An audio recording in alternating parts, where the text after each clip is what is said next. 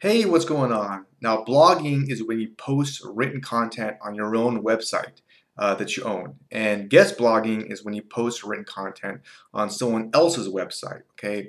You might be wondering, well, should you do both? Which one's better? What's the whole game plan or strategy? Um, I like the idea of really uh, creating content on your own website and then repurposing on other places as well. Okay, uh, it could very, very much be worth it. You might be wondering, well, how does it help? What does it do? Uh, well, one way it helps is it forces you to put links in your blog post to other articles that you actually uh, created. This is called interlinking and actually does help uh, your content uh, get seen by more people in the search engines, okay? Uh, all right. Then when you post that article to say like another website for guest blogging, um, some of those people are going to read that post and click that link and come back to your website. So get more eyeballs and more visitors.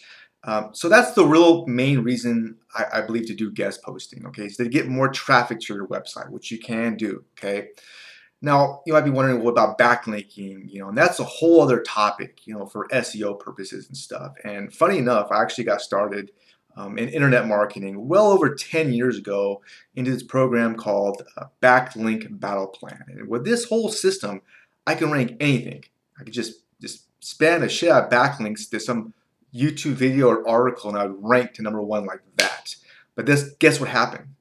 Yeah, Google um, had all these updates, you know, the panda, penguin updates and stuff like that. And overnight, um, things changed, and I lost rankings, a lot of that kind of stuff as well. Um, so I don't really focus on building backlinks anymore uh, for like SEO or any of that kind of stuff. I think it's way, way, way better to just focus on creating better content and better meaning more helpful content. Um, so if your content's more helpful, then it's probably going to rank. Okay, if it's if it's good. Okay, that's just the way it is.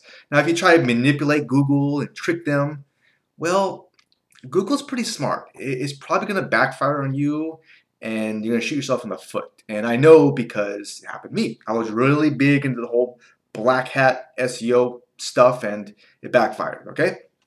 All right. So the main the name of the game is you want as many people to your website as possible that are the right visitors, okay? Because um, the more people that go to your, your website or blog, uh, well, the more money you can make if you know how to monetize your website and blog, and that's a whole other topic, okay? Uh, one more point is if you do guest posting on other websites, um, I would choose opportunities where you can also post on your website as well. You, so you want both. Um, and you definitely want a way for people to get back from another website to your blog, okay? That's what you want, okay? So that way you have all upside, no downside, and that equals a no-brainer decision, okay? So you might be wondering, what are the pros and cons of both? You know, what's the difference? Well, the largest pro to blogging on your own website is you own the content. Yeah. Uh, you have more control over it. Uh, it's more secure, and you can always sell the website later on in the future uh, for more money if you want. Okay, you own it. Now, if you just do guest blogging and you don't, you know, post on your own website, well, the challenge is, well, you're at the mercy of somebody else. That's more risky. Um, anytime they want, they could just delete your post and you have no say so. So that's why I, am a big fan of both. You, you want to post on your own website so you have you own it, right? But you can also post on other websites and get more traffic if you want to from there. So you might be wondering, okay, well, is it a good idea to have other people post on your website, right?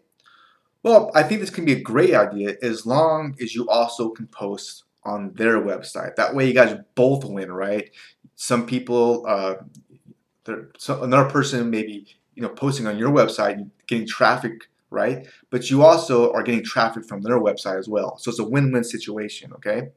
Uh, you can also do the same thing with email. You know, like one day you could promote another person's email list, and that person could promote your email list. That way, you both win. Okay, and you can do that with a lot of things. Okay, so that could be a great, great idea. Uh, the main thing, you just want helpful uh, content on your website. That's the North Star. You want to be as helpful as possible. Anyway, so I hope this was, uh, well, helpful to you. Uh, if you want to learn more about my content battle plan um, that I have, you can check out my website. Just click the link in the description or go to uh, trustthelink.com. Uh, that's my website. Um, I'll also share, you know, where to do, where to go guest blogging, you know, where, where to find these those places. But enough about me. Um, what is your, I'm curious, what's your favorite platform to post at? And what platform has gotten you the the best results? Because I'm always curious myself. Anyway, so uh, have a great rest of your day, okay? All right, uh, bye for now.